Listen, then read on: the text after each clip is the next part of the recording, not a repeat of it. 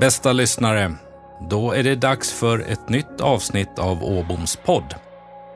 Som inledning den här gången vill jag börja med ordet tack. Och tack till dig som lyssnar. Jag har berört det vid några tillfällen tidigare där jag har sagt vad underbart att höra den feedback ni bjuder på. Jag måste understryka det igen. Att få mejlen, att få de här LinkedIn-kontakterna eller lite goda vänner som skickar sms var de än befinner sig och så att man lyssnar på avsnittet och att det har varit så bra. Det ger mig energi att fortsätta. Det ger mig energi att bjuda in nya gäster och det har jag framför mig här i poddstudion idag också. Framför mig vill jag beskriva till er lyssnare att jag har en gäst som jag säger så här, det är en väldigt trevlig person. En person som är full av energi, en person som skrattar gärna, en av Sveriges främsta experter på värderingar och har en väldigt stor erfarenhet av förändringsprocesser i olika bolag. Författare, är på väg att släppa sin fjärde bok inom kort. En uppskattad föreläsare på olika scener runt om i världen och sen dessutom duktig ung golfspelare. Växte upp på Bro Bålstas puttinggreen och bana ihop med ingen mindre än Annika Sörenstam vet jag. Så med de orden vill jag säga att jag har det stora nöjet och glädjen att få säga varmt välkommen till dig Mia Hultman. Tack så mycket. Roligt att vara här måste jag säga. Vilken presentation. Ja, den, den förpliktigar nu idag, eller hur? Underbart. Mia, kommer du ihåg när vi träffades första gången? Nu skulle jag gärna vilja säga ja. ja. Nu tänker du har en kontrollfråga, så då, jag Nej. vet ju ungefär när och var. Ja. Mm. Jag tror att det var 1998, 99 mm. någonstans då jag var, klev in som eh, vd för Vivo-kedjan i Sverige. Och Det var mitt första vd-jobb och då var du där och jobbade även då med ett förändringsarbete, en förändringsprocess. Det var mm. första gången vi sågs. Ja, ja, det minns jag faktiskt. Ja. ja. Glad sprudlande även på den tiden. Och nu eh, vill jag ju naturligtvis se vad har de här åren gett? Vad har vi med oss i det här? För Syftet med den här podden är att få mina lyssnare att få med sig någonting i resan framåt i livet. Både kanske privat, men framförallt yrkesmässigt naturligtvis. Och den här är en ledarskapspodd. Vi pratar mycket om ledarskap och kommunikation, men idag kommer vi att tratta ner det än djupare lite grann i värderingar och mm. de processer som då sker i olika verksamheter. Det är jag väldigt nyfiken på att få göra under en stund framöver med dig. Så oerhört kul att du är här Mia. Väldigt roligt att vara här måste jag säga.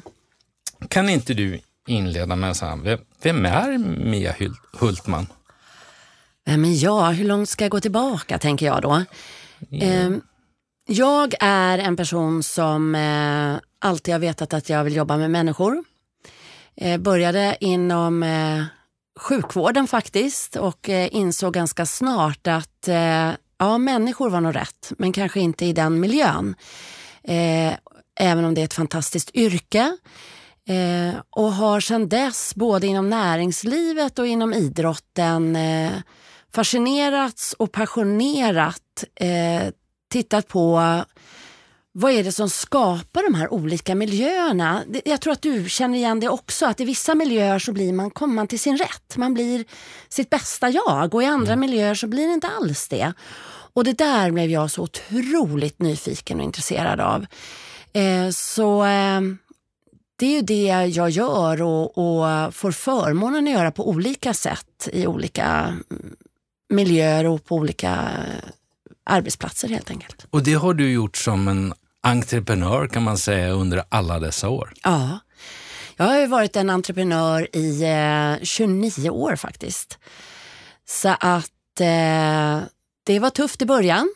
Eh, Sen blir det en livsstil i sig också, tänker jag. Mm, det förstår jag. Mm. Det måste det. Men eh, din resa då, alltså hur, hur, jag måste bara få vända det utifrån det här perspektivet. Hur mm. bygger man sitt varumärke då? För det handlar väl också att, med, med att du kommer ut med ditt varumärke, Mia Hultman, föreläsare, författare, processledare i förändringsledarskap och så vidare. Hur kommer man ut? Hur bygger du det? Den är ju otrolig. Jag tror aldrig jag fått den frågan. Den är ju jätteintressant faktiskt. Eh, jag ska skriva ner ja, så att jag kommer ihåg. Nej, men eh, i början så var det viktigt för mig att ha ett eh, företagsnamn. Och eh, i början så fick jag ofta höra Mia, du är alldeles för bred. Du gör för mycket olika saker. Och jag hade så svårt för det, för det jag gjorde var ju genuint det jag ville göra och den jag var. Och ju mer jag kunde bli tydlig i det och, och vara tydlig med att det här varumärket är precis det du säger, Mia Hultman. Eh, och jag gör det jag är passionerat intresserad av, är kunnig inom och har erfarenhet inom. Och om det innebär att det är författare, föreläsare och facilitator i större förändringsprocesser så får ju andra uppleva det brett om det är så, men mm. det är ju mm. den jag är. Och sen tror jag att, att bygga ett varumärke för mig, det här är säkert inte rätt svar, men för mig har ju det varit att göra bra jobb där jag gör dem eh, och så får det sprida sig, tänker jag. Ja. Eh, din vardag, innan vi kommer in på, på ledarskap och värderingar, men din vardag hur, hur, många så kallade gig, för, säger vi musiker i alla fall, mm. eh, hur många framträdanden gör du på ett år? Ja, på ett år, eh, de flesta veckorna så gör jag nog fem gig mm. i veckan. Eh, och det gör jag ju både i Sverige och internationellt. Eh, men jag jobbar inte 52 veckor om året, så nu får du som har papper och penna räkna då kanske vad det här blir. Men jag är, du har semester i 48 veckor. Någonting inte, sånt, nej. när man är egenföretagare. Ja, Dröm, jag måste växla bana tror jag. Nej, ja. okay. nej men jag gör det eh, jag har förmånen att få göra det mycket också för jag tycker att det är väldigt, väldigt roligt. Det ger mig energi. Och det är fantastiskt att få möta olika människor i olika miljöer, i olika gruppkonstellationer också, mm. tänker jag. Hur duktig är du på golf? Ja, då är det lättaste att svara på vad man har för handikapp, eller ja, hur? Just det. Allting är ju relativt. Det är så jobbigt när du har sagt att jag har spelat golf med Annika Sörenstam, för då kan man ju tro att, att jag är bättre än vad jag är. Nej, men jag har tio handikapp, så jag kan, jag brukar säga att jag kan spela golf. Mm. Sen kräver ju det att jag behöver ha tid att spela också. Det är helt ja. rätt. Men ja. har man den nivån då, då, då har man svingat klubba mer än en gång. Man har gjort det mer än två gånger och man, man vet. Och, men det är också där man vill ha en lite mer, kan jag inte göra lite mer? För man, man är så nära, eller hur? Ja, Men det, det krävs så mycket. Jag vet när jag jobbade med golfen, då sa, sa landslagskaptenen att ja, Åbom, det krävs 10 000 timmar innan du är, har en bra nivå. Och det är ju en otrolig sport att jobba. Ja. Jag har fått förmånen att vara headcoach för en hel del landskamper med våra tjejer. Eh, och det jag lärde mig där till min egen golf är ju att det viktiga är ju vad de härliga slagen, de, är ju, de minns man ju lätt. Men de här eh, missade puttarna och de här drivarna som bara studsar iväg några meter. Klarar jag av att hantera det, det är då det blir riktigt bra. För att, att det händer, det gör det. Mm. Eh, och det är en lärdom mm. att ta med sig för mig. Har, har, du slagit Annika någon gång på Blå? Nej. Nej. Okej, okay. mm. det är nog många som hade velat göra ja, det kanske. Ja. Denna talang eller denna världsstjärna. Ledarskap. Jag har läst om dig Mia, att du har jobbat med uppdrag eh, eh, inom Adidas, Preem, Systembolaget, alltså i kända varumärken. Finns det några fler som du kan liksom berätta, som du får berätta och så vidare, där du jobbar med som är stora kända och, och så kommer vi in på vad har du gjort där? Ja, eh, och det är ju spännande det du säger att, att eh, alla, det är ju inte för att låta hemlig, men alla får man ju inte berätta om, även om det är en del som är väldigt spännande och stora. Jag har bland annat gjort som var lite annorlunda och otroligt lärorikt. Eh, det var att jag har jobbat med Nano Lund. Det är Lunds universitet som har ett världscenter för deras nanoteknik, och, eh, eller nanoscience mm. kan man väl säga. Mm. Och de eh, tyckte att det var viktigt att när de får in människor från runt om i världen, så vilken värderingskultur ska det finnas där för att alla ska kunna vara sitt bästa jag? Så det uppdraget fick jag och det var otroligt lärorikt och annorlunda därför att det är en, en helt annan miljö att vara ja. i. Eh, men eh, sen har jag varit i, i många andra, jag HSB har jag jobbat med som också är en annan typ av verksamhet. Mm. Eh, EA Sports och vad är det? Fifa är väl eh, ett, det spelet som de är kända för bland ja, annat. Det. Ja, Mest kända för kanske. Ja. Precis. Eh, och det är också ett, ett världsomspännande företag men i en helt annan bransch som också är väldigt intressant. Hur, vilken kultur, vilka värderingar, hur bygger man för att vara grym på förändring i en sån miljö? Så att jag har haft förmånen att vara i många olika branscher, ja. även dagligvaruhandeln ja, där jag träffade dig första gången. Stämmer. Jag har faktiskt jobbat med Hemtex också. Okay. Eh, så att en del detaljhandelskedjor har jag också varit i. Mm. Systembolaget tänker jag på. Jag har ju haft en annan gäst som har suttit precis i den stolen där du sitter, mm. som jag vet att du har lärt känna under en resa, Mikael Walteg. Ja, just ja, det. Ja. Där ni jobbade just med det här förändringsprocessen inom Systembolaget ja. som han beskrev här i podden. Mm. Verkligen, det var, det var ju också en fantastisk resa att få vara med i och få bygga strukturen för den kultur de har idag. Så att det absolut. Blir det mycket Systembolag, men jag faktiskt, när vi kom att prata om dig för två veckor sedan Mia, i, i ett samtal då jag träffade en annan medarbetare som nu har kommit och blivit VD för KF, Marie Nygren. Jaha. Då kom jag. Så då satt vi ner och hade ett möte, jag och hon, om, om det. Eftersom vi är en, i min verksamhet en, en del i, i KF och de är ägare, liksom vår största ägare i, i Fonus och familjens juristkoncernen. Då. Då kom vi och prata om den resan och sa, ja. du måste känna Mia Hultman. Ja. Hon bara, ja. Ja, ja, henne känner jag. Ja, ja. Vad roligt. Spännande ja. Eh, första möte. Det kändes som också en, en, en, en väldigt energistark eh, personlighet och ledare. Ja, henne kommer man ihåg. Ja, mm. på ett positivt sätt. Mm, Härligt. Eh, om vi, vilka utmaningar, Mia, möter du kring ledarskap? Jag förstår att du inte kommer att säga han eller hon. Nej, det är inte det jag är ute efter. Men, eh, lite kanske. Okej, okay, kanske lite, men, men det är ju ingen journalistpodd. Men du får gärna spetsa till det lite. Du kan. Men, men eh, vilka, vilka utmaningar ser du när du träffar olika företag och ska starta ett förändringsarbete ihop med vd eller ledning eller HR? Eller vilka det är? Jag skulle vilja börja den ena änden som jag tycker är en av de här, nu ska jag använda ett sånt här inneord, eh, förändringsnycklarna, mm. en av de här guldnycklarna. Men det är ju just att högsta ledning, beroende på hur verksamheten ser ut, men att de verkligen äger och vill kliva in. Det går, jag har provat, i min början av min karriär tänkte jag det går nog ändå.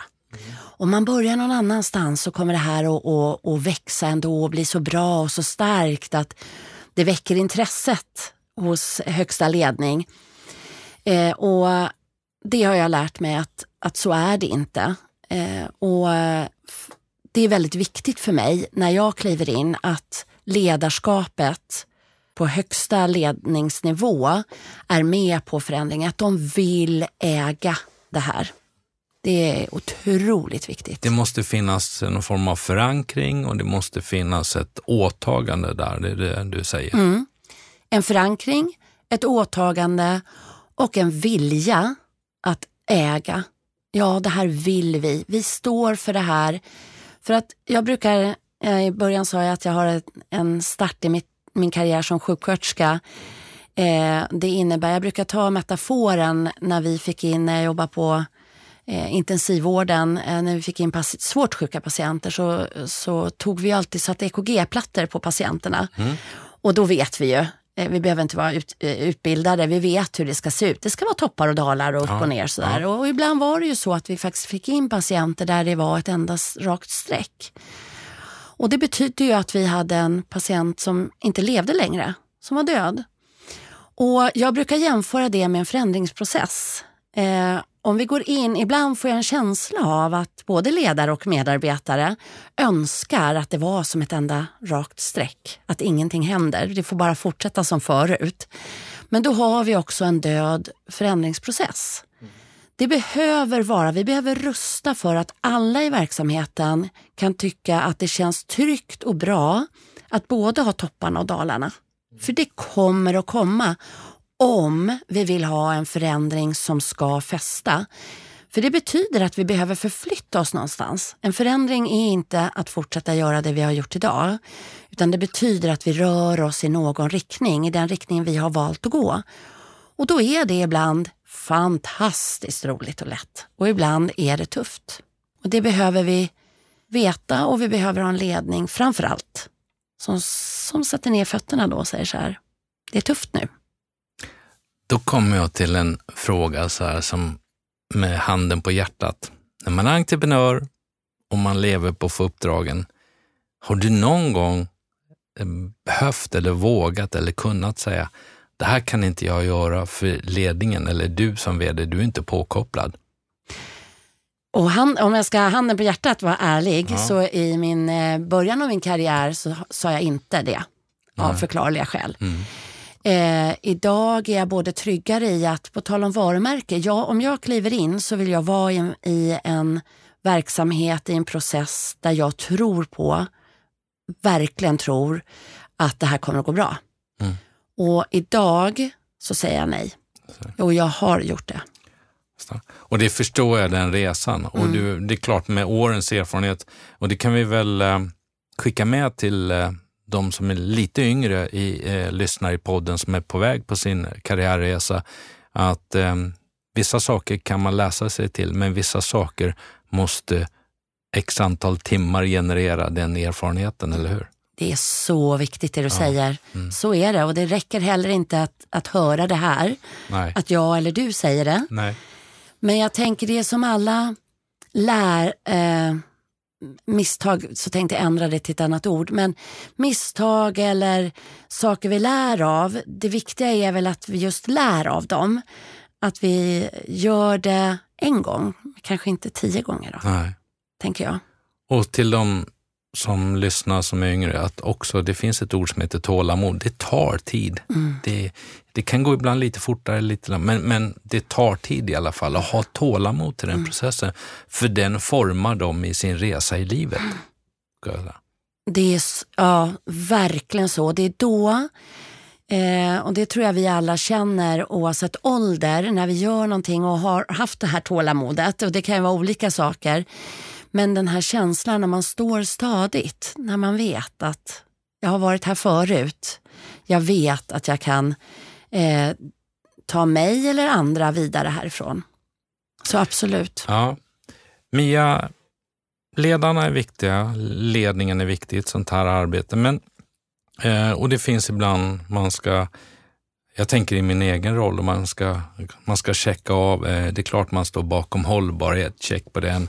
Checka upp mångfald, yes, check på den. Jämställdhet, eh, ehm, vi ska värdera. Alltså, men vad innebär det egentligen, alltså som du säger? Och det skulle jag vilja, kan du inte berätta, vad, när vi säger att vi är ett värderingsstyrt eh, företag eller vi har en ambition att bli det, vad innebär det egentligen? Jag lutar mig tillbaka, lyssna nu. Och nu, nu får du luta dig tillbaka. Ja, för nu. Eh, det är ju inte för inte eh, det både skrivs och pratas om de här värdeorden och så säger de att det hånas lite och det skojas lite och, och så vidare. Eh, och För mig så är de viktiga, men om vi bara tar fram värdeorden då hamnar vi i, och inte gör något mer, då hamnar vi i en situation jag brukar säga som till och med kan vara värre än om vi inte hade gjort det. För att en värderingsstyrd verksamhet handlar ju inte om orden, de nej, tre orden. Nej, det är, jag kan inte prata tyska fast jag kan säga Anna och Finterin, Neber, Jag kan rabbla dem. Eh, och det finns ju ett värde i det, det finns ett värde att ha de här orden. Men att ha en värderingsstyrd verksamhet det innebär ju att vi använder den kraften värderingarna är för dig och mig som människor. För det är en kraft vi har. Våra värderingar talar om, och jag brukar börja där för det är viktigt. Vi som människor har värderingar som talar om för oss det här är rätt och det här är fel. Och är jag medveten om det så skapar det stolthet i mitt liv och det ger mig värde och värde till människor runt om mig. Det betyder inte, det här är jätteviktigt, mm. att jag har rätt och du har fel. För att mina värderingar är tydliga för mig och medvetna innebär att jag kan öppna upp för olikheter. Jag vet det här är jag och jag kan vara nyfiken på dig. Mm. Så därför så är det ju så här, jag, jag använder inte ordet värdegrund, jag använder ordet värderingskultur. Mm. Tycker att det är, jag tycker att det är ett bättre ord. Eh, Ni som är vana att höra värdegrund, ni får översätta det i era huvuden. För det är precis samma sak. Men en värderingskultur byggs ju varje morgon alla kommer dit. Det är inte för att vi har några vackra ord på väggen. Nej. Det är inte för att någonting sitter kvar i väggarna. Varje gång, varje morgon när alla som jobbar där kommer in så bygger vi den igen. Och den försvinner på kvällen. Och det gör att ha en värderingsstyrd verksamhet innebär att du och jag vet, vi är, är säkra på vad kulturen innebär på vårt företag. Vad betyder vårt varumärke? Det gör att jag vet vad som är rätt och fel där. De beteenden, de val jag gör, de beslut jag tar. Och vågar vi göra det hela vägen igenom, ja då har vi en värderingsstyrd verksamhet. Och det innebär att till största delen är det lättare att göra rätt, både som medarbetare och ledare. Men det betyder också att vi ibland måste ta tuffa beslut. Mm. Men tar vi inte dem, då kommer omvärlden att ta den åt oss. Mm. Och då lämnar vi det åt slumpen och det är för mig en farligare väg att gå.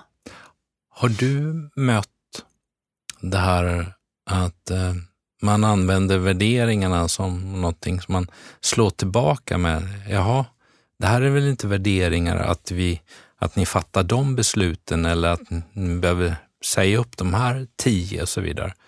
Eh, för det kan jag ärligt säga att det är ju en utmaning. Eh, vi jobbar med ett, ett värderingsarbete. Vi började våren 2015. Vi sjösatte det för alla medarbetare hösten 2017 och så är vi på väg på en resa. Men det är klart, visst har man hört och kommit tillbaka det- när man säger att det kontoret behöver, kan vi inte ha kvar eller det här måste vi göra så. Då blir det ibland att det kan användas till att, mm, är det här värderingar? Men vi måste ju ta vårt ansvar så att säga, i den långsiktigheten vi, vi har för att, för att verksamheten eller bolaget, vilket det nu kan vara, oss eller något annat ska överleva. Är det inte så? Jo, och jag tänker så här att, att eh, om jag är medarbetare och provtrycker, jag kallar det för det då, eh, ja men att lägga ner det här kontoret, det är väl inte, om vi säger att ni har ett ord, nu vet inte jag om ni har hållbarhet, men om vi säger att ni har det.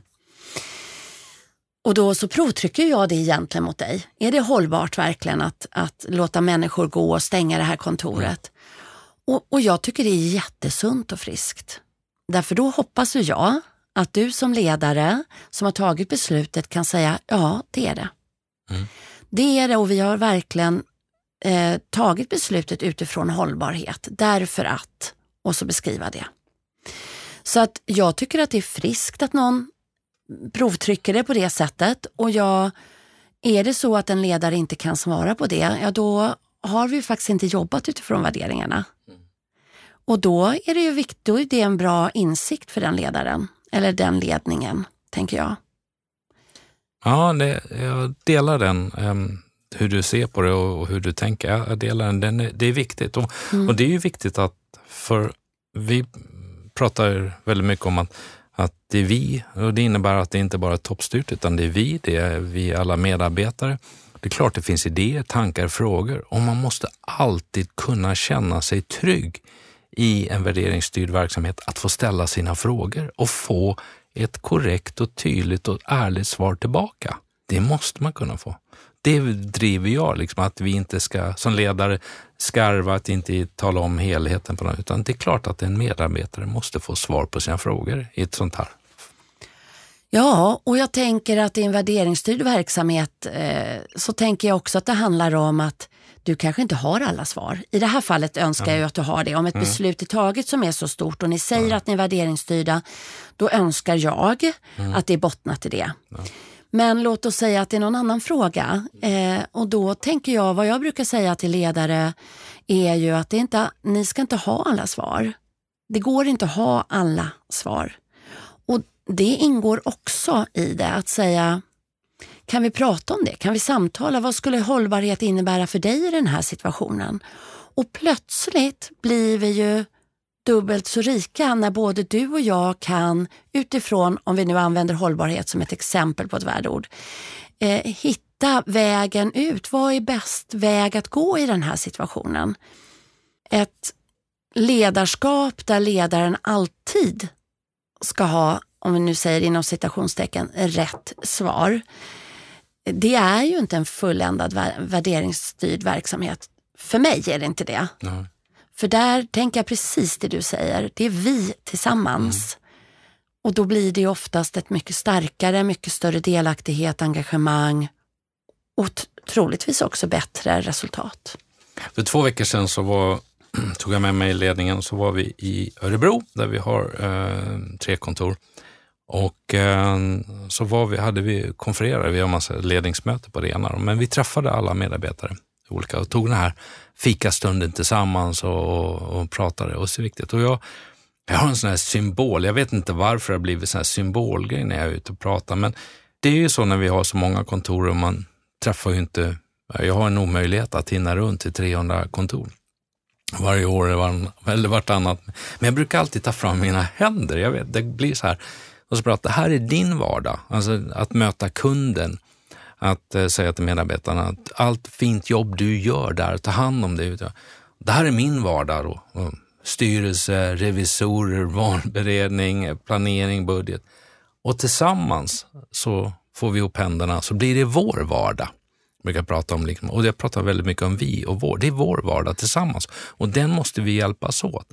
Så om, om, om den högra eller handen inte mår bra så kommer det påverka den vänstra eller vice versa. Eh, och det har blivit ett symbol. Jag, vet, jag kommer bara på mig själv nu när vi pratar om det, just vi och vår, att jag står ofta och gör så här. Jag visar mm. ju dig nu, jag mm. ser ju inte lyssnarna, men, men det. För mm. att det är viktigt för mig att för, de förstår att vi har ett gemensamt ansvar och vi har en gemensam rättighet att ställa frågor och ha en dialog, ska jag vilja säga. Och då kommer man ju in, väldigt fin metafor tycker jag, eh, jättefin. Eh, och då kommer man ju in på det som också är viktigt i en värderingsstyrd verksamhet när du frågade vad det var. Mm. Det är ju också en lyssnande organisation. Och det är ju intressant både som ledare och medarbetare. Hur lyssnar du? Det är ju inte bara i, i naturligtvis i vårt möte, men det är också hur lyssnar du? Har du eh, din e-mail öppen? Kan vem som helst mejla dig? Lyssnar du via mm. den kanalen? På mm. vilka sätt lyssnar du? Mm. Jag fick förmånen eh, att träffa sales manager för, för kedjan Nordström i USA. Mm. Träffade henne och de är ju, deras eh, varumärke är ju synonymt med service och värderingar. Eh, och de är väldigt, väldigt duktiga på det här. Och då eh, så frågade jag henne just vad som var viktigt och då sa hon att, att lyssna. Och så berättade hon då hur hon lyssnade. Och då så sa jag, men, men tänk, har du e-mailen öppen så vem som helst kan hitta den på hemsidan? Ja, sa hon. Ja, men det, får du inte många e-mail, sa jag då. Eh, mm. Klarar du det? Hur hinner du med det? Då tittade hon på mig och så sa jag det att det är väl kunder som är missnöjda och så vidare. Då tittade hon på mig och så sa hon det, men Mia, tänk om jag inte visste om det. Ja, vad ska man säga då? Ja, det är klart. Eller hur? Så jag tänker det här lyssnande organisationen mm. och på vilka olika sätt vi gör det. Mm. De här Dina händer är ju ett sätt att mm. lyssna på varandra. Mm. Mm. Men det är också olika sätt vi kan göra det på och, och mm. ta in kunskap via. Jag blev så glad för, det var väl i våras tror jag, början på året kommer jag så väl ihåg. Eh, vi skulle fatta något beslut eh, och eh, ja, då, man är ju lite pådrivare som person, så man, men nu kör vi nu. Ja, men vi gör det, vi tar det. Eh, var på en i ledningen tittade på mig och sa, nej men det är väl inte värderingsstyrt och göra så. Borde vi inte vara öppna, för det, vi har ärlighet som ett ord. Och jag utan att gå in på vad det var, så hajade jag ju till och sa, ja men självklart. Jag gjorde det och sen, ja men jag tyckte det var så härligt att de, vi kunde använda det positivt. Agerade vi rätt? Nej, vi borde kanske inte göra så. Och sen blev det en väldigt bra diskussion. Och det uppskattar ju jag, att bara för att koncernchefen råkar säga någonting så är det inte det, utan man använder värderingen på ett sunt sätt. Mm. Och det blev ett sånt här check på mig där jag sa, ja, det här är på väg att börja få ett fäste. Vi, vi har tagit ett nytt steg. Mm. Och det, när jag somnade på kvällen så blev jag så extra glad över det. Mm. Då är det ju levande och det är dit vi vill. Mm. Och det ser ju olika ut i olika verksamheter men det där är ju verkligen ett, en bekräftelse på att det är levande. Och ofta får man ju precis som det du säger väldigt fina samtal. Mm. Och det får jag ofta höra när jag skickar ut ledare i början. Skickar ut. Nej, men ofta träffar jag, jag ledare som sen ska gå ut och prata värderingar med sina medarbetare i sina team. Och i början så brukar de vara lite nervösa för det. Och tänker att ja men du vet jag har mitt team, du vet Mia, de är inte vana att prata om det här. Och, oj, oj, oj, oj, oj, hur länge sa du? En timme? Och nej, nej, jag vet inte, men en kvart kanske räcker det. Du vet, ja så. Och så Ja. säger jag, ja men tiden spelar ingen roll, men gå ut och, och prova. Det, du kan inte göra något fel. Börja prata och 100 procent kommer tillbaka och säger tiden räckte inte. Det här var det bästa samtalen vi har haft. Mm. För att det här berör, det här är en kraft vi alla har. Så att, att bli medveten om det berör ju. Värderingar och en värderingsresa för en verksamhet, den, det är ju liksom kulturen du bygger den. Mm.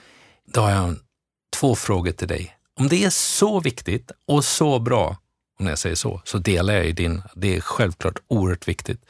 Eh, men om det är så, varför får vi inte lära oss mer om värderingar när vi börjar i skolan? Och varför får vi inte lära oss mer av värderingar när man pluggar på, på universitet så, att säga, inför det?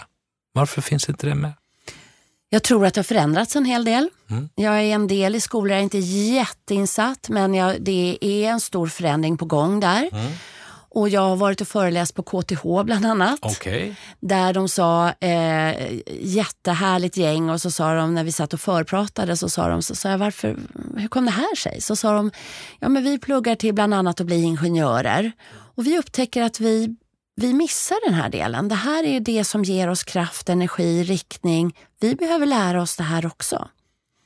Så, så eh, där har jag varit och, och föreläst och pratat med dem om det och eh, de jobbar med det kontinuerligt. eh, Så, så om man tittar på din, din 29-30-åriga Mm. resa inom där så kan du i alla fall se att vi har gått åt rätt håll och det har skett förändringar i den positiva riktningen. Mm. Verkligen. Verkligen så. Har du något sånt där eh, drömexempel eh, som oavsett du har varit inblandad i eller någon annan som du kan dela med dig av? Men det där är en fantastisk värderingsresa som du har, som du kan säga. Ja, jag har ju några stycken som jag eh, får berätta om också. Systembolaget är ju en Just det. Mm. som är en fantastisk eh, eh, kulturresa i den resan de gjorde. Den var ju större än så, men det var en stor del i det. Eh, och eh, jag har också gjort en, en häftig resa med Adidas. Mm. Eh, där de eh, har haft en stark kultur, eh, har en väldigt, väldigt stark kultur. Men också där man har tittat över hur är det att skapa en kultur över världen då? Vilket är spännande.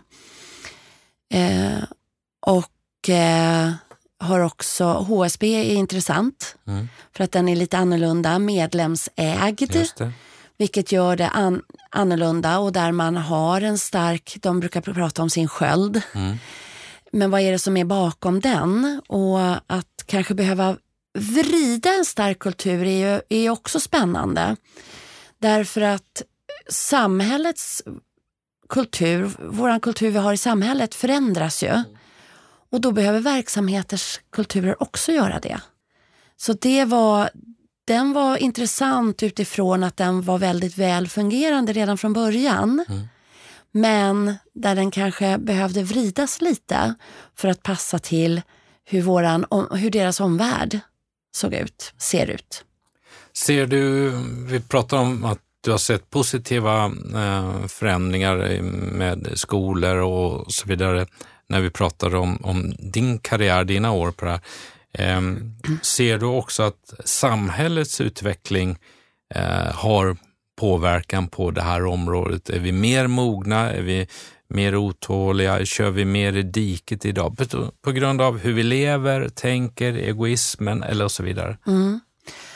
Det där är otroligt intressant. Alltså, det där tänker jag ju mycket på. För Mm, när jag började, ja, för 30 år sedan ungefär, då, då klappar man mig lite på Du huvudet och börjar sa... väldigt ung kan Ja, ja, eller hur. Tack, tack. Jag hoppades att du skulle Ja, säga det. Varsågod med. Eh, eh, men då var det ju, eh, då klappade man mig lite på huvudet och sa Mia kan, hon kan göra de här lite mjuka sakerna. Och så den här du sa förut att ni checkade av saker, så checkade man av det.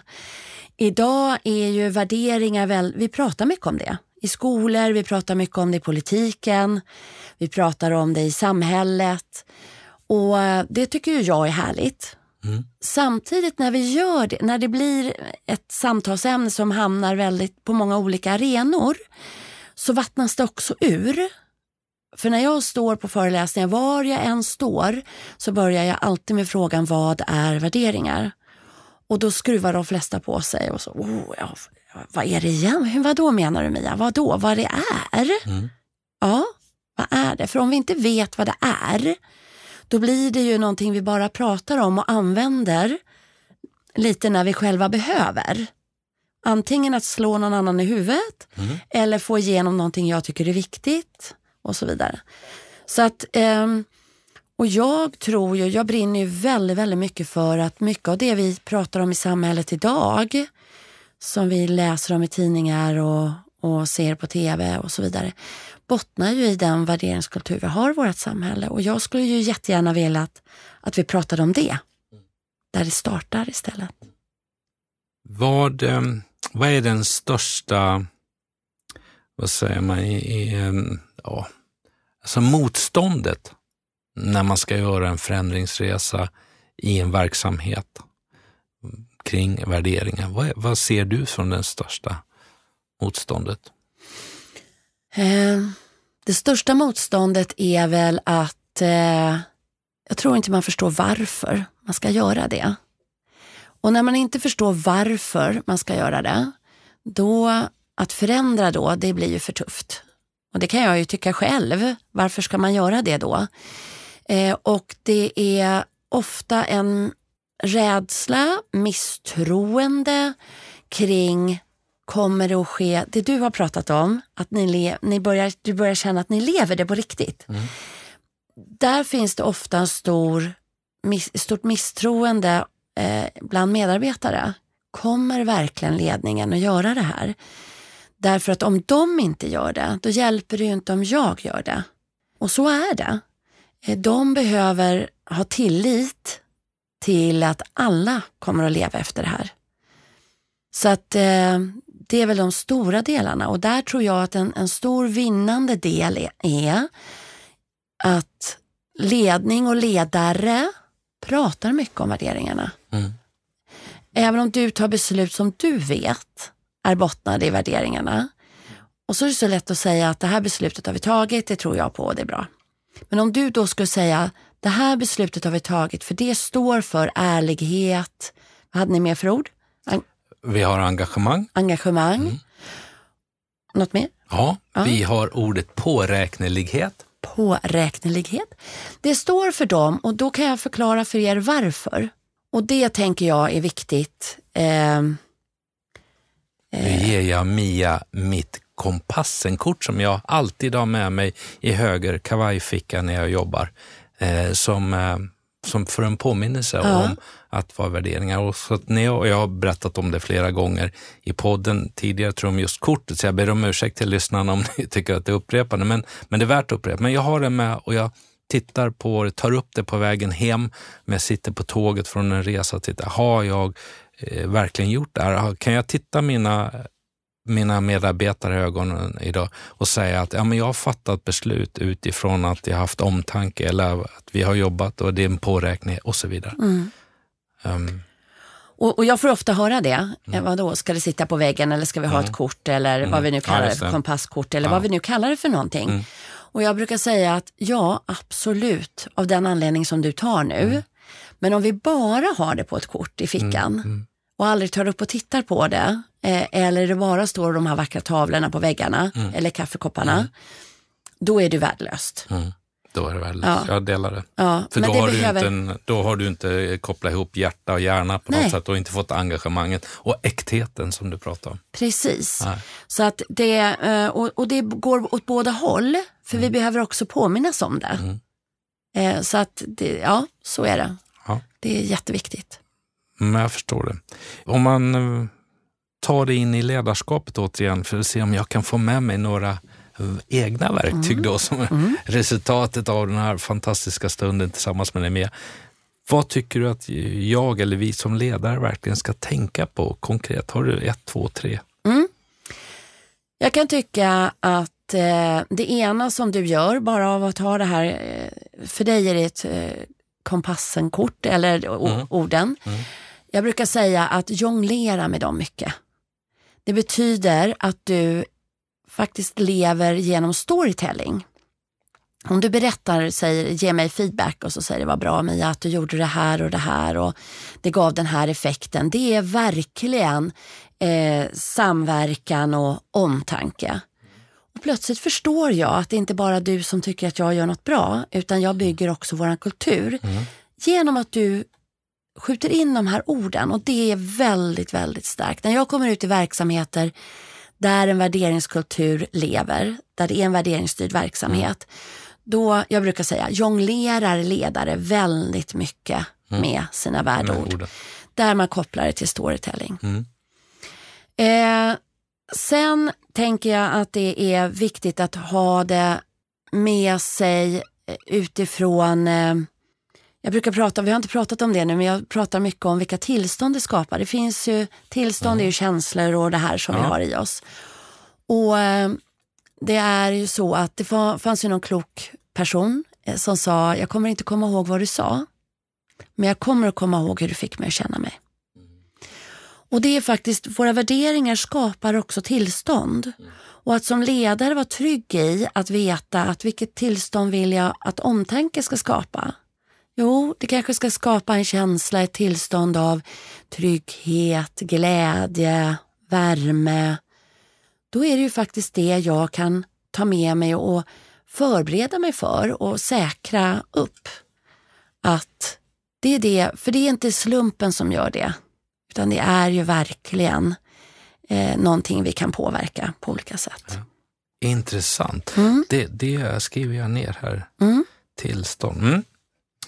Har vi något mer som du ser som vi behöver? Ja, sen tänker jag att det är viktigt att eh, som ett ledarverktyg så handlar det ju också om att ha med det här i alla medarbetarsamtal, att inte glömma bort det i alla de här eh, avstämningarna som vi har. Och det brukar eh, vara någonting som gör det så mycket lättare att prata om det vi verkligen behöver prata om. Du vet, vi, det är lätt att säga, prata kompetens och Mia du skulle behöva utbilda dig, i- lära dig tyska också och så vidare. Men det här att jag alltid kommer för sent eller att jag skojar på andras bekostnad, det kan vara tuffare att ta upp för en ledare. Men om vi då jobbar med värdeorden och du kan bygga det på eh, samverkan. Och Mia, ordet samverkan, det betyder ju att vi är ett vi hos oss. Och jag har hört att du många gånger skojar på Rolfs bekostnad. Det, tycker det är inte okej för mig och det är inte okej för den kultur som vi har. Plötsligt så närmar vi oss de här tuffa samtalen på ett väldigt mycket lättare sätt. För att göra en sån här eh, medveten förändringsresa, för jag brukar säga att, att alla företag har en kultur. Den är bra eller mindre bra, den är medveten eller omedveten. På något sätt. Eh, och resultatet av x antal års eh, ledarskap eller vad det nu kan vara som har skapat det. Då. Eh, men eh, behöver man ringa Mia Hultman efter den här podden och säga vi ska göra en förändringsresa, eh, vi måste få ett koncept kring det. Eller hur ska man göra för att få med alla medarbetare på det? Hur, hur, hur stort och omfattande är det? Jag tänker eh, så här att för mig handlar det inte om ett koncept, måste jag bara säga. Mm. Därför att det här... Det var lite utmanande ja, ja, det var ja, men jag förstod det. Alltså, jag tog den direkt. ja. så. Eh, därför att det handlar ju om, precis som du sa, alla har en kultur och det ser olika ut. Så det här behöver man ju börja där man är. Och därför så, så ser den resan olika ut förstås.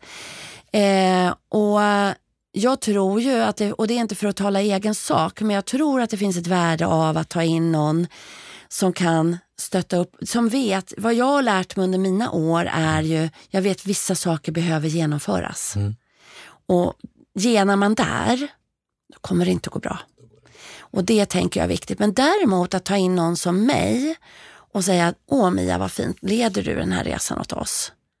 Då har ju, inte, då har ni tappat ägandeskapet. Mm. Vi har abdikerat lite ja. därifrån och överlämnat. Vi har ja, köpt liksom hela... Ja. ja. Så jag får ofta frågan, eh, Mia, hur kan du vara i de här stora processerna? Du är egenföretagare, du är ensam. Mm. Ja, säger jag. Det är jättebra. Det. Därför är det inte jag som ska göra det. Det är jag guidar, jag är coach, mm. men det är ju ledarna och hela ledarskapet som ska ta ägandeskap till det här och föra ut det och sen ha en dialog där.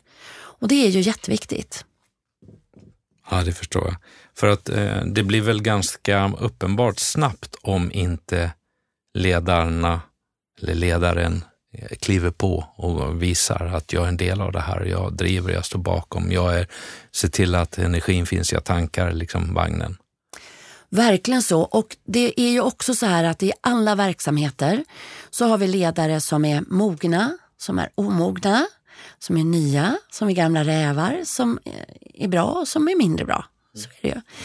Och gör vi en sån här resa på ett bra sätt, då får vi alla att växa och det tycker jag är så rättvist.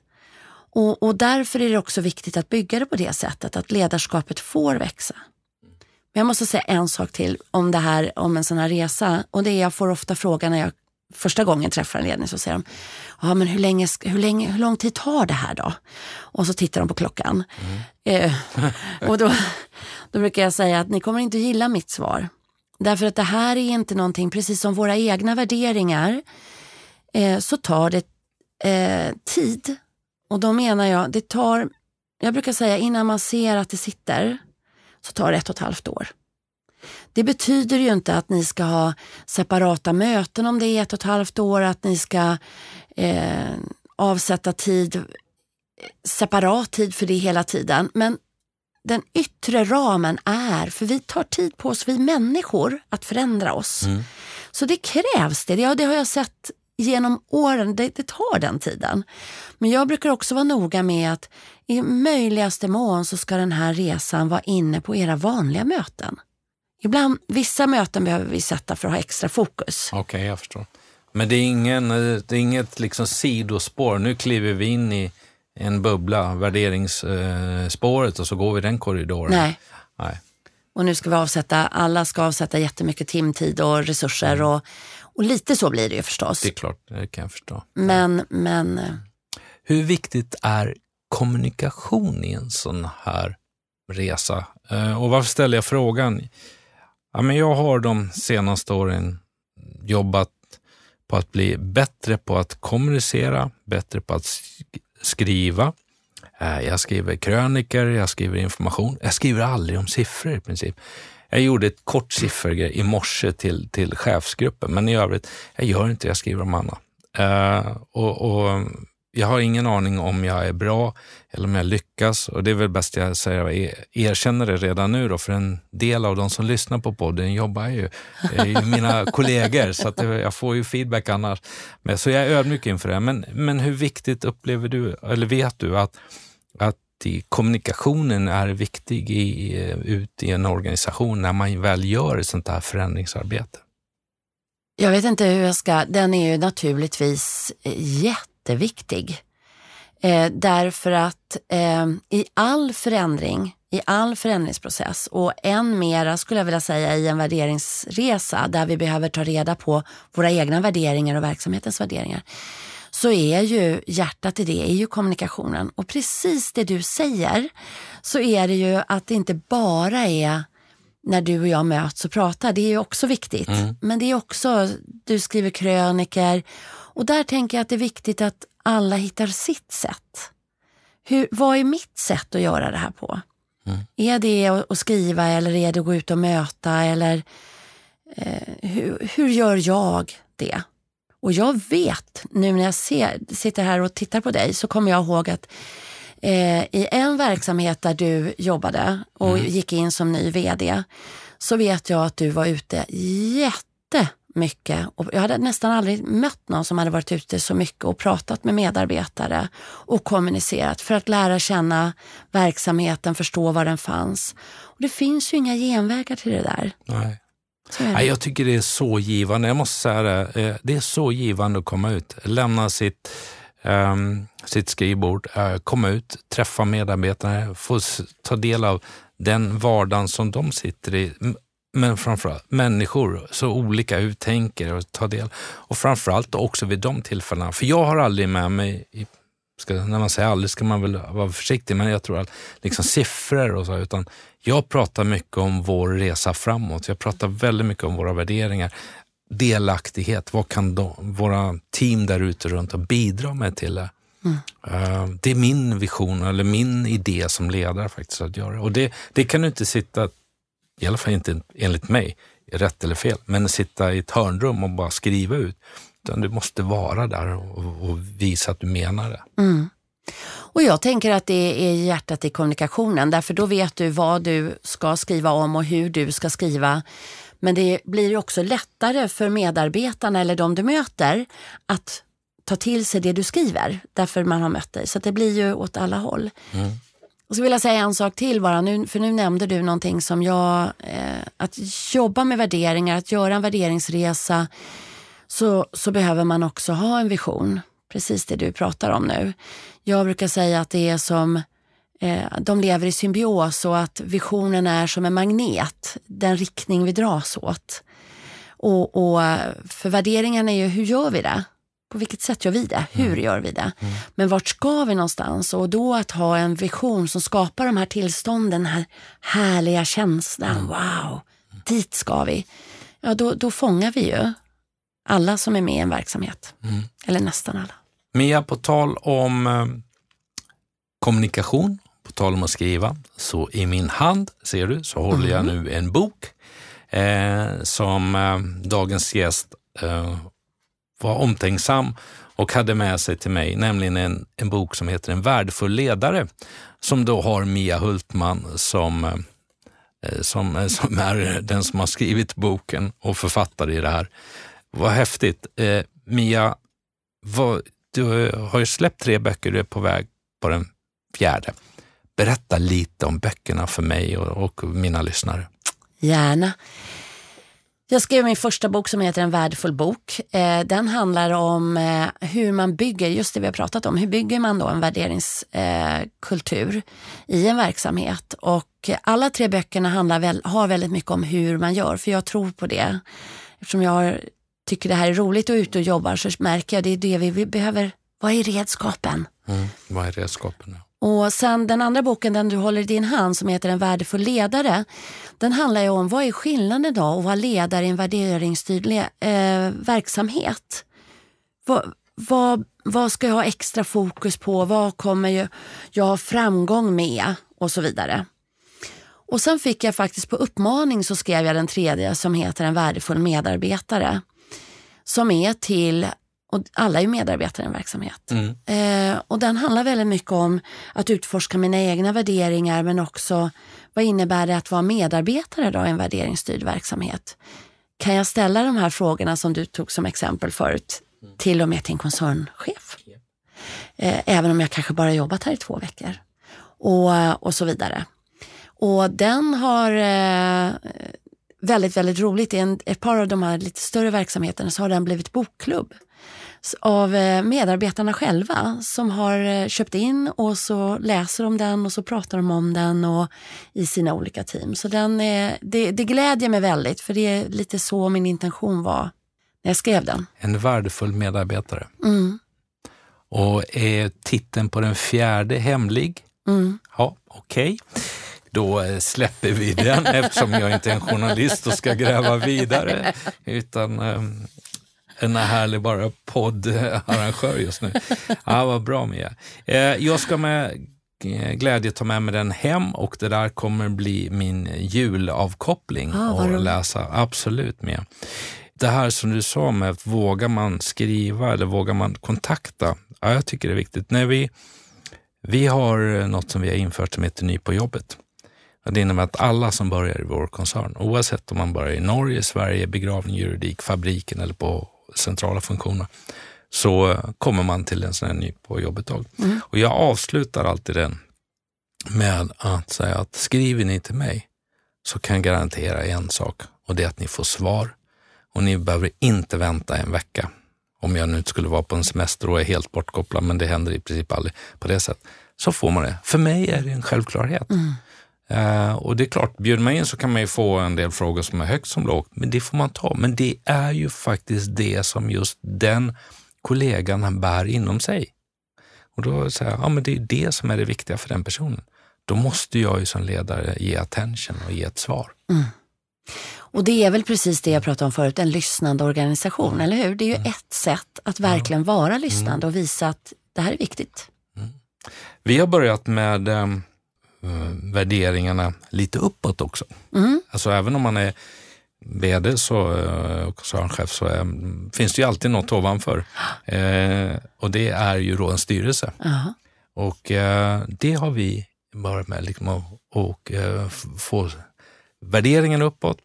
Eh, och jag tror att jag vågar, jag vet ju att någon kanske i styrelsen också lyssnar på det, men jag är trygg och jag har en fantastisk styrelse. Men då, och vi har fått några nya i år. Så vi avrundade ett av de senaste styrelsemötena med att de fick, baserat på våra värderingar, kommentera hur tvådagarsmötet hade varit. Och gå igenom det här. Och då var det en, jag ska inte säga namnet, men det var en i styrelsen som, som var relativt ny som sa ärlighet skulle jag vilja kommentera. Jag sitter och har suttit i många styrelser, men här upplever jag att här är det ingen dold agenda. Här är det en ärlighet och det, man, man stöttar varandra. Så här fungerar ärlighet. Jag blev så glad att höra. Jag måste säga det häftigt. Ja, häftigt. Och jag måste få kommentera just det ordet. För det har jag, ehm, jag har ju varit med i många processer där man har tagit fram orden också. Då kommer ofta ordet ärlighet upp. Det känns ju bra. Men sen när vi börjar jobba med det lite och säger att ja, men vi, prov, vi provar det och ser vad, hur jobbar vi, Vilka, hur tar vi beslut utifrån ärlighet, hur möter vi kund utifrån ärlighet. Då 100% kan jag säga av de processer jag varit med så har de sagt, ja fast vi kanske tar ett annat ord. För ärlighet är tufft. Ja, det är alltså det, tufft. men det är, det är modigt att ha det tänker jag. Det Ja, är, Jag har skrivit ut i organisationen, vi sopar inget under mattan. Har vi gjort fel, då står vi för det. Eh, har du gjort fel, då rättar vi till det, du rättar till det, vi lär oss av det och så går vi vidare. Men vi sopar inte under mattan. Eh, och det är viktigt för mig att ha det, ärlighet på det sättet. Den ska gå hela vägen igenom vårt sätt att tänka och agera. och det krävs ju att du säger på det sättet när man har det ordet. Det, det är det jag tänker är så eh, härligt. För det är då vi verkligen har en värderingsstyrd verksamhet. Jag vet att tiden går oerhört fort när man pratar om det och inte minst när man har dig som gäst. Eh, Som jag, jag kan säga det till er lyssnare att det är, ögon som eh, brinner, som är engagerade kring det här ämnet. Ni behöver inte vara oroliga för det. Det är en äkthet som Mia bjuder på och som har fångat mig under de här, här minuterna, den här snart timmen som vi har suttit ner tillsammans, Mia. Men hur, jag, kan vi inte, om vi lämnar just värderingarna och vi bara går till dig och ditt jobb, ditt kall på något sätt att jobba med det. Hur laddar du ditt batteri? Hur, hur, hur blir du så här engagerad och påläst och, och, och som du visar i, i dagens podd till exempel?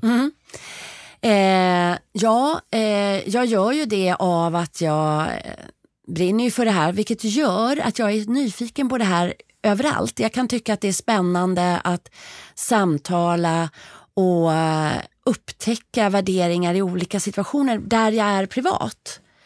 Och sen eh, kan jag ju tycka att det är svårt att hitta inspiration och kunskapsinspiration i Sverige. Alltså det jag, hittar jag oftast utomlands. Okay. Så jag är ganska ofta ute och eh, fångar seminarier eller utbildningar där. Mm.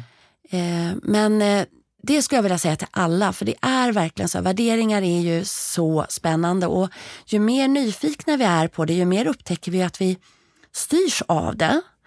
Och eh, börjar man titta på det och prata om det med andra så lär vi oss otroligt mycket av det. Och belöningen är att vi står stadigare i alla de här olika situationerna när man hamnar i så man inte riktigt vet hur skulle jag göra här och skulle jag hålla upp dörren för någon eller inte? Nej. Vad gör mig stolt? Och ju mer jag tränar på det här, ju, ju mer blir jag stadig själv och Det säger inte att jag är bättre än någon annan. Det säger Nej. inte att jag har rätt och du har fel. Men Nej. det säger att jag blir mer och mer ärlig mot mig själv. Mm. Och det är häftigt. Mm, jag förstår. Ja. Och ska vi skicka med det till framförallt då de yngre ledarna som lyssnar på podden, att lägg ner tid på att ha med värderingar i din karriär, i din chefsresa från början. Läs, var nyfiken, eh, skanna marknaden, eh, ta till vad som finns där. Därför att det är, räcker inte bara att vara en mästare på en budget i Excel, en affärsplan som ser glimrande ut eller en viss förhandling. Du måste, ska du bli en framgångsrik ledare säger jag, så måste du ha med det här som en, del i, som en ingrediens i din personlighet och ditt chefskap. Mm. Det är ju det som kittar ihop alla de andra mm. delarna i, ja. i en verksamhet och ett ja. ledarskap. Och jag tänker också att det är så häftigt för att eh, blir du nyfiken på dina egna så ser du ju hur du kommer att agera som ledare. Till exempel, värderingar är ju överallt. Finns det bättre och sämre yrke, yrken? Om du riktigt, när du själv när du går och lägger dig mm. och börjar upptäcka att ja, jag tycker kanske det. Jaha, och varför då? Och, och, och utforska det i dig själv.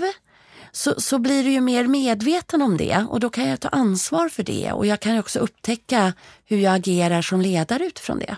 Bara som ett exempel. Att få andra människor att må bättre, att utvecklas och att ta för sig för att bygga verksamheten starkare. Det måste väl på något sätt vara en kvitto på att vi, bör, vi får en värderingsresa som fungerar. Det handlar inte bara om det kortsiktiga ebit-resultatet för kvartalet eller det här året, utan när vi ser att verksamheten förflyttar sig genom att medarbetarna tar sitt ansvar och de utvecklas i den här resan. Det måste vara fantastiskt. Ja, och vet du, då kommer resultatet. Ja.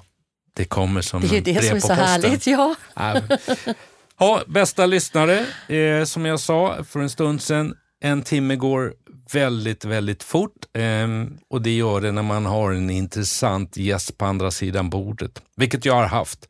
Vi har lyssnat på samtalet som jag har haft tillsammans med Mia Hultman och eh, som alltid har velat jobba med människor växlade över från sjukvården till, till att jobba med människor i förändringsprocesser och värderingsarbete. Mia sa också att sitt eh, bästa jobb, ja, men det gör man troligtvis om man är i rätt miljö och det kan vi känna efter.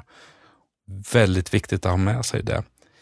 Ledningen måste kliva in i ett förändringsarbete. Det måste finnas en förankring, det måste finnas ett ägande och det måste finnas en vilja för att det ska bli äkta och, ge, och finna, eller fastna i verksamheten. Det finns också toppar och dalar i de här. Men när man har toppar och dalar så har man också möjlighet till en förflyttning. Det är ett sunt eller ett naturligt beteende. Sen har jag skrivit en lyssnande organisation. Ja, men den ska jag ta med mig än mer för jag tror att den är så viktig i, i verksamheterna idag att göra de här delarna. Tillstånd. Ja, jag bad om, eh, kan du ge tre exempel? Då fick jag jonglera med orden. Intressant. Jag har inte tänkt det på det sättet. Eh, sen pratar du om tillstånd. Vad vill jag att det här ska skapa? Och att se till att när vi jobbar med det här så ska det finnas ett tänk där det är en del av alla moment, oavsett om det är ett medarbetarsamtal, en rekryteringsintervju eller vad det var, eller kan vara. Ah, vad glad jag är att jag fick förmånen att bjuda in dig till den här podden, Mia. Och vad än gladare är jag naturligtvis att du tackade ja. Jag vet att du har ett hektiskt program med, med fem gig i veckan. Eh, någon veckas semester var det ju och måste ju hålla igång golfhandikappet på tio. Men efter alla år att få sitta ner, det hade jag ingen tanke när jag träffade dig första gången. Att vi, eller man har ju tro, det är ju häftigt med sådana möten. Ja, verkligen. Ja. Jag är jätteglad att jag fick komma och prata med dig här. Ja, ja. Det är jag som är ödmjukt tacksam. Till er lyssnare så hoppas jag att ni har haft en bra stund vid eh, ja, högtalarna eller i de här trådlösa eh, som man har i öronen numera, när ni lyssnat på den här podden och att vi har kunnat bjuda, eller framförallt naturligtvis Mia har kunnat bjuda på värdefull information, fakta, erfarenhet och värdefulla tankar som ni kan ta med er i er framtid och i er resa framåt. Både där ni är nu, men stegen framåt. Det har varit min önskan att få bjuda på det tillsammans med dig, Mia. Jättekul. Stort tack, Mia. Nu har vi en avslutning, nu är det en happening. Varje gäst får välja avslutningsmusik. Och nu ska vi få lyssna. Vad har Mia Hultman valt? Det var ju jättesvårt, eh, men jag valde Perfect eh, Symphony med Ed Sheeran och Andrea Bocelli. Och jag vill bara kort säga varför av all den underbara musik som finns där ute. Och det är faktiskt på av det vi pratade om, den skapar ett tillstånd hos mig som tar hela mitt väsen med sig. Så därför valde jag den. Underbart. Ja, vi lyssnar på den med glädje och återigen, stort tack och all lycka framöver. Ja, detsamma. Mia. Tack. tack. I found a love for me well, Darling, just dive right in follow my lead. Well, I found a girl, beautiful and sweet. I never knew you were the someone waiting for me. Cause we were just kids when we fell in love, not knowing what it was. I will not give you up this time. Well, darling, just kiss me slow. Your heart is all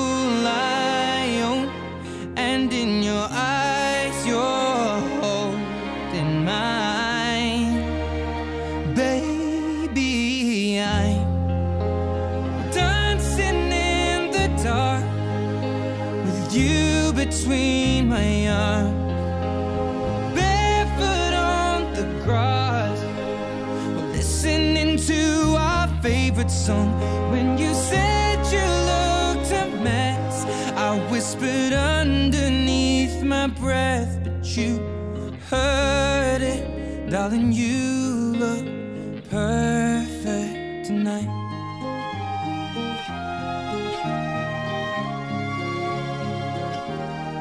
Sei la mia donna, la forza delle onde del mare Cogli i miei sogni, i miei segreti, molto di più.